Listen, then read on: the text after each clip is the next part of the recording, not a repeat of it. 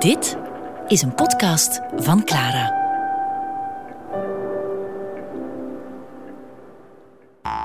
Rubens.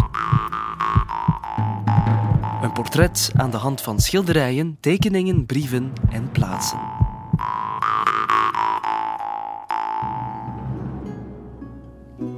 Rubens was het kind van ouders met Calvinistische sympathieën.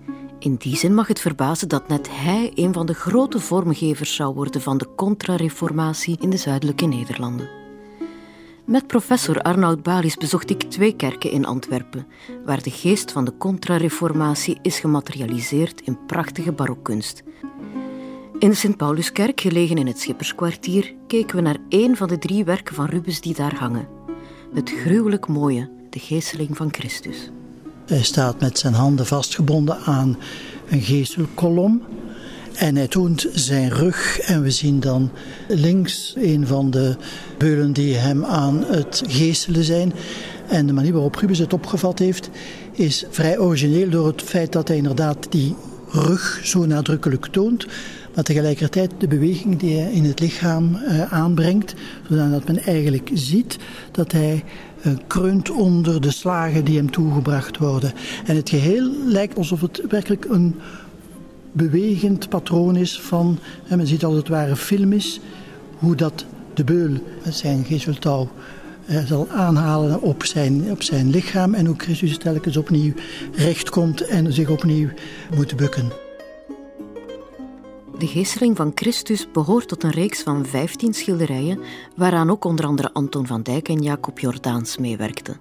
De cyclus van de mysterie van de Rozenkrans was een opdracht van een broederschap. De broederschap van de Rozenkrans is ontstaan bij de Dominicanen.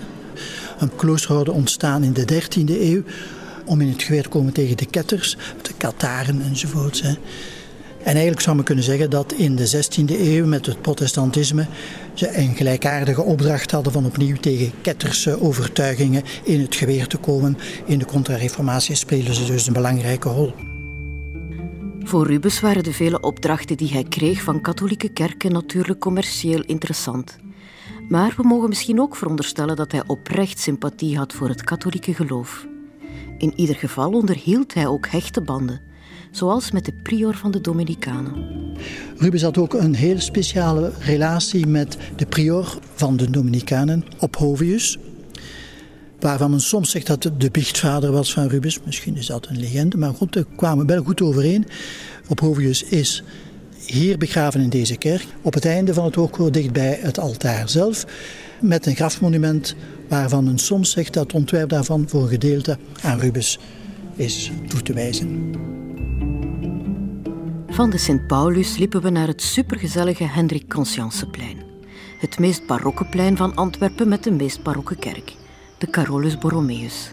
Een kerk die gebouwd werd door de Antwerpse Jezuïeten. De voortrekkers van de contra-reformatie in onze gewesten, gesticht in de 16e eeuw.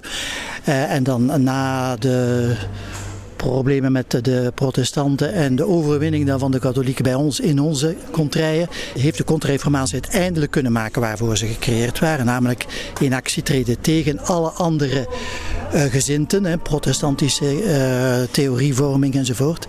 En hebben zijn ze beginnen in, op grote schaal de kerken te herinrichten of, zoals hier, nieuwe kerken te bouwen.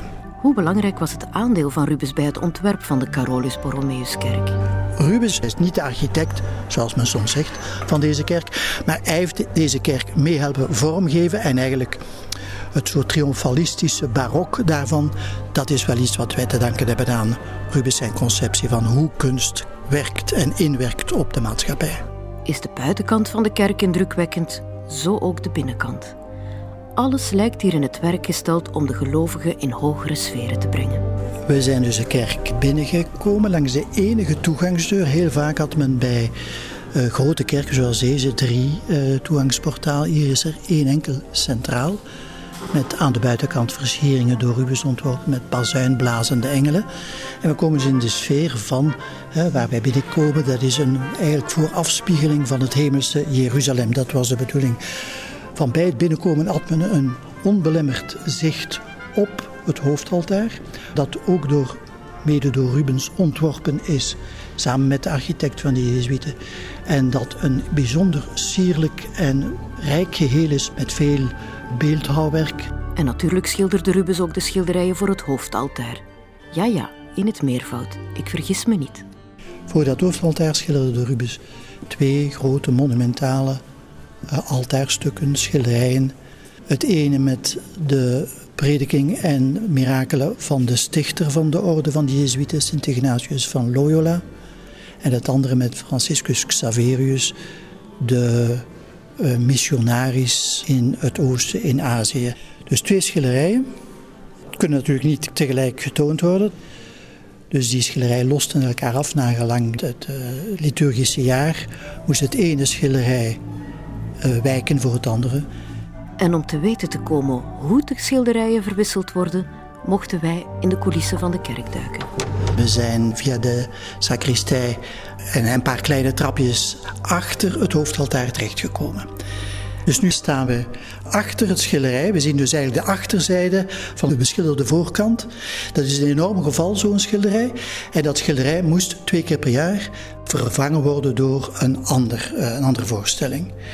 Hoe deed men dat? Men opende een sleuf die hier beneden aan het kader te zien is. En daarin is plaats om vier dergelijke schilderijen op te bergen. Maar dan moeten we eventjes helemaal naar boven kijken. Dan zien we daar een kleine, dus een relatief kleine uh, katrol, een windtas. En daar werd een touw over gespannen.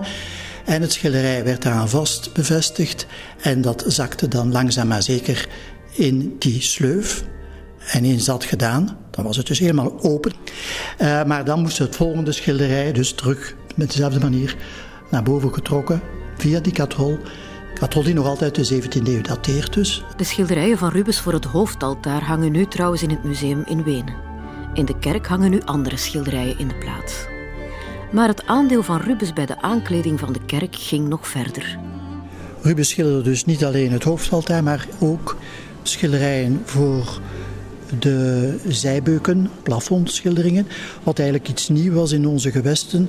Een schilderij van onderuit zag in het verkort weergegeven, zodanig als men van onderuit kijkt, is het of de figuren eigenlijk als het ware recht staan op het platte vlak. Dat moest gerealiseerd worden in een paar maanden tijd. Rubens schilderde dan de schetsen, groot deel daarvan zijn bewaard. En hij mocht dat volgens het contract de uitwerking overlaten aan zijn medewerkers. Van Dijk wordt met name genoemd. Helaas is van die plafondschilderingen nu niets meer te zien. In 1718 slaat de bliksem in in de kerk. En een groot deel, het grootste deel eigenlijk van de kerk gaat in de vlammen op. Waaronder dus alle plafondstukken door Rubens geschilderd. Gelukkig bleef de voorgevel bewaard, hè, met dat beeldhouwwerk. Dat bleef bewaard. Gelukkig bleef ook het koor zelf, met de twee schilderijen van Rubens voor het hoofdaltaar. Dat bleef bewaard.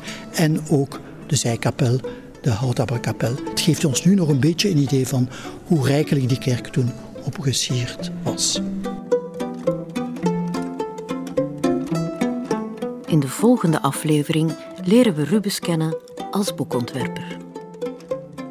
U luisterde naar de zesde aflevering van deze negendelige podcast over Rubens. Als u naar clara.be-rubens surft, vindt u per aflevering extra beeldmateriaal.